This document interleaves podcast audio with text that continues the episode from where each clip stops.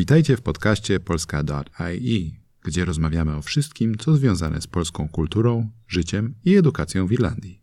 Podcast tworzą studenci języka polskiego z Trinity College w Dublinie.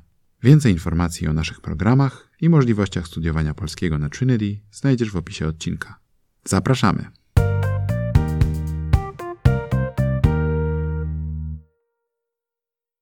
W 2004 roku, kiedy Polska została przyjęta do Unii Europejskiej, dla nas Polaków otworzyły się granice wielu europejskich krajów. Do Irlandii przyjechało wiele Polaków. Wówczas byli to młodzi ludzie, którzy z czasem założyli rodziny i mają dzieci.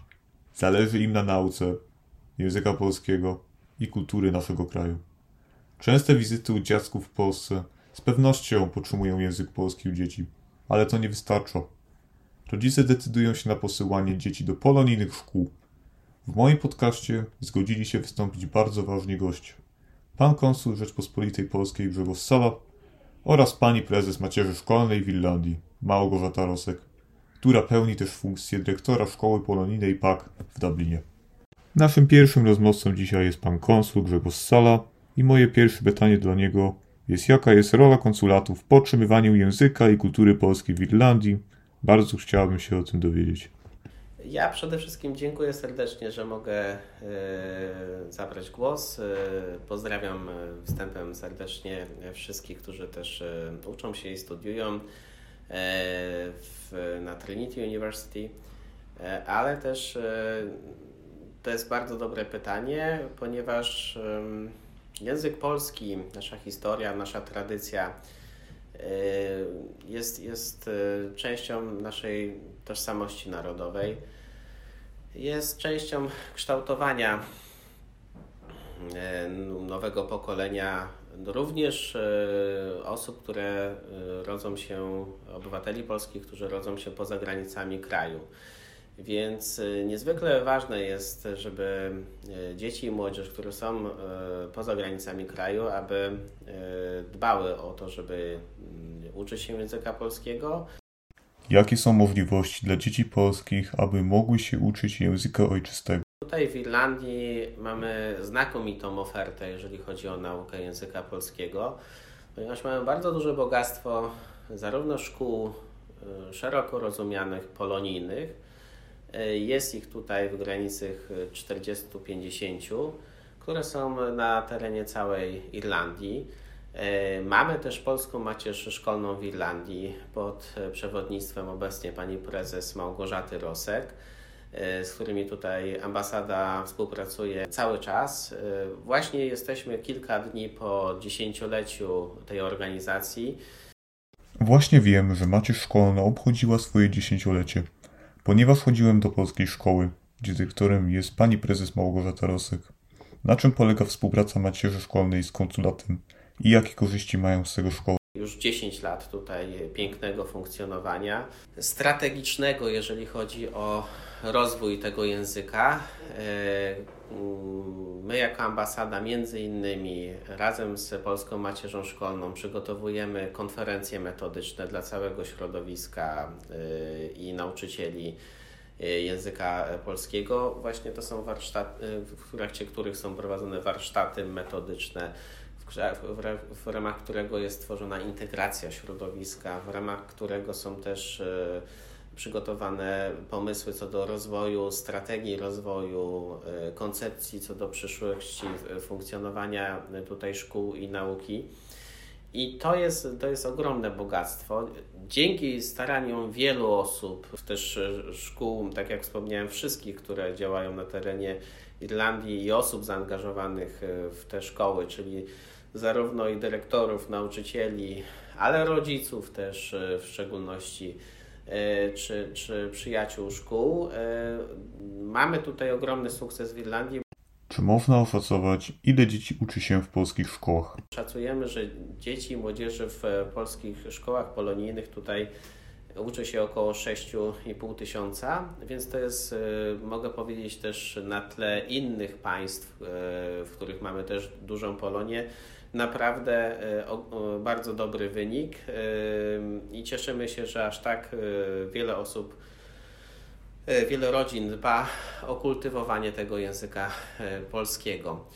Może jeszcze powiem o jednej rzeczy, która jest tutaj bardzo ważna i też jest wielkim sukcesem. To jest fakt, że od września 2020 roku jest język polski dostępny w systemie irlandzkim i można również uczyć się języka polskiego w szkołach e, średnich, mm, co też jest ogromnym sukcesem. To był proces wielu, wielu lat, wielu osób, zarówno ze strony polskiej, jak i ze strony irlandzkiej, y, zwieńczony właśnie tym sukcesem w 2020 roku. Więc siatka tych szkół też rozrasta y, się, w których szkół irlandzkich, średnich, w których jest dostępny język polski. Szacujemy, że jest, jest pomiędzy 30 a 40 Ile musi być minimalna ilość osób, aby język polski mógł być prowadzony w irlandzkiej szkole średniej? Aby zawiązać grupę, musi być 8 osób chętnych. Jest tam program 180 godzin do wypracowania nauki języka polskiego w przeciągu dwóch lat.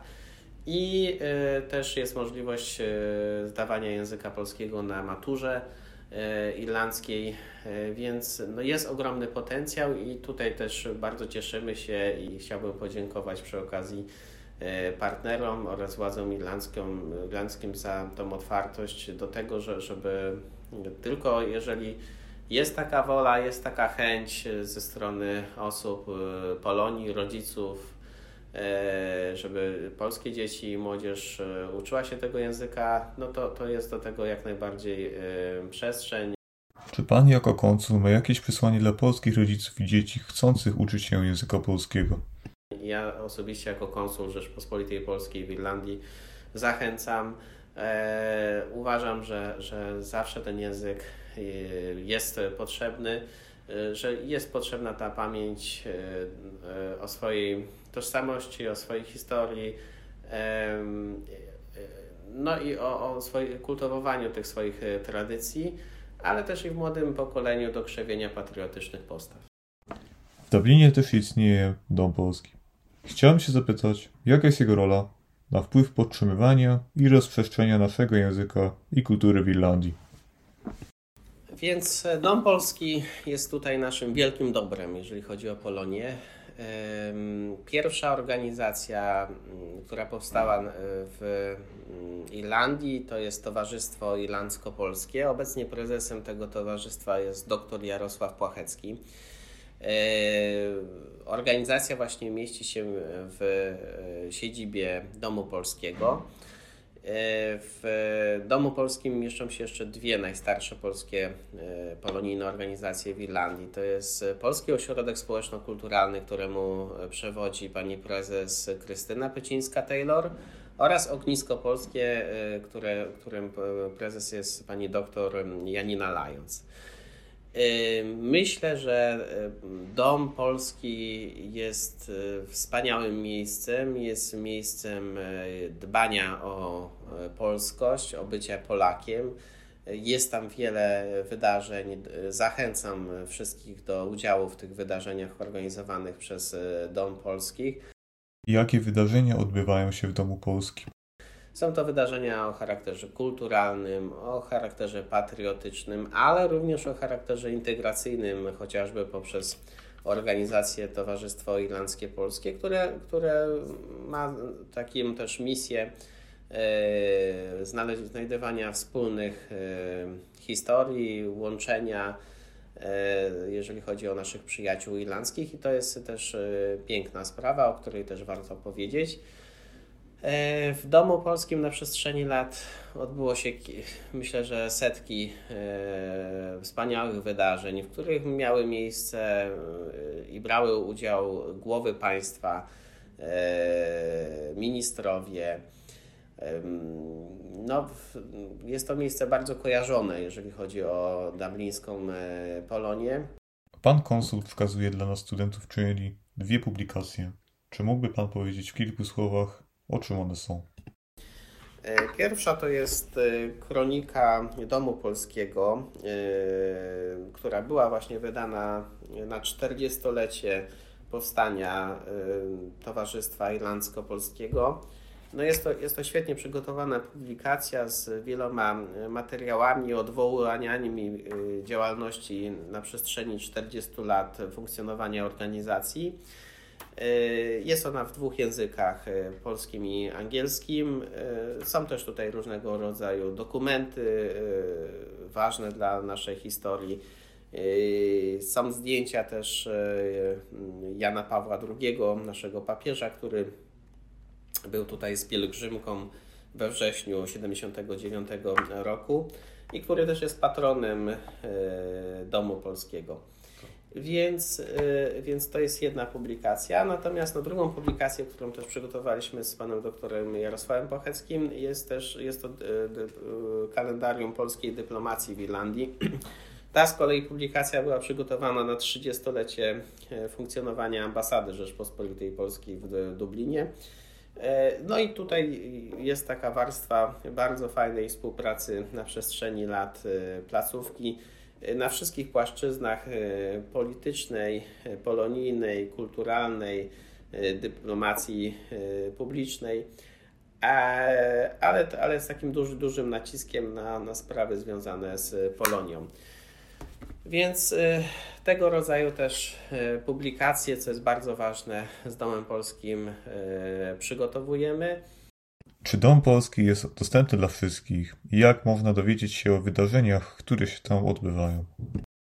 Staramy się, żeby ten dom był też jak najbardziej otwarty, więc zachęcam też wszystkich do, do kontaktu z domem. Jeżeli ktoś ma jakiś pomysł na jakieś fajne wydarzenie, to może zawsze kontaktować się z władzami tego miejsca, aby też korzystać i wykorzystywać fakt, że mamy i podkreślę to raz jeszcze tak wspaniałe miejsce jako Polacy tutaj w Irlandii, więc warto po prostu o nim pamiętać, warto o nim wiedzieć i warto z niego korzystać, jeżeli tylko jest taka możliwość. Zachęcam też do korzystania ze stron tych organizacji, o których wspomniałem, są dostępni też w social media, więc tam najpewniej można otrzymać informacje o nadchodzących wydarzeniach.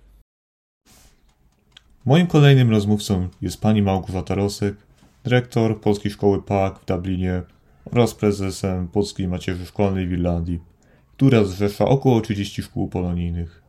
Moim pierwszym pytaniem dzisiaj jest to, polonijne szkoły odgrywają ważną rolę w podtrzymywaniu języka i kultury Polski. Czy pani jako prezes Macierzy Szkolnej w Irlandii mogłaby pani wyjaśnić, jak działają szkoły polskie w Irlandii? Szkoła polonijna to każda szkoła, która prowadzi naukę języka polskiego poza granicami Polski dla dzieci emigrantów i Polonii. Szkoły polonijne mogą wywodzić się z różnych korzeni, być finansowane przez rząd RP lub różne stowarzyszenia, parafie i rodziców. Nadrzędnym celem działalności tych szkół jest kształcenie kompetencji językowej i komunikacyjnej w języku polskim oraz zapoznanie z kulturą i tradycją polską.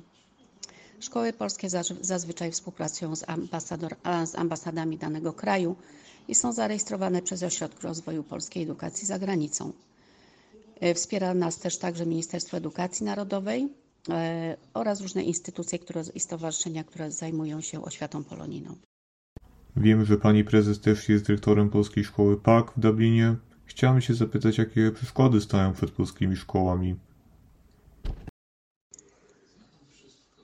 Jeżeli chodzi o trudności, jakie ma szkoła polonijna, to są przeważnie trudności finansowe, czyli jak utrzymać się finansowo, opłacając czynsze ubezpieczenia szkół, pensje nauczycieli.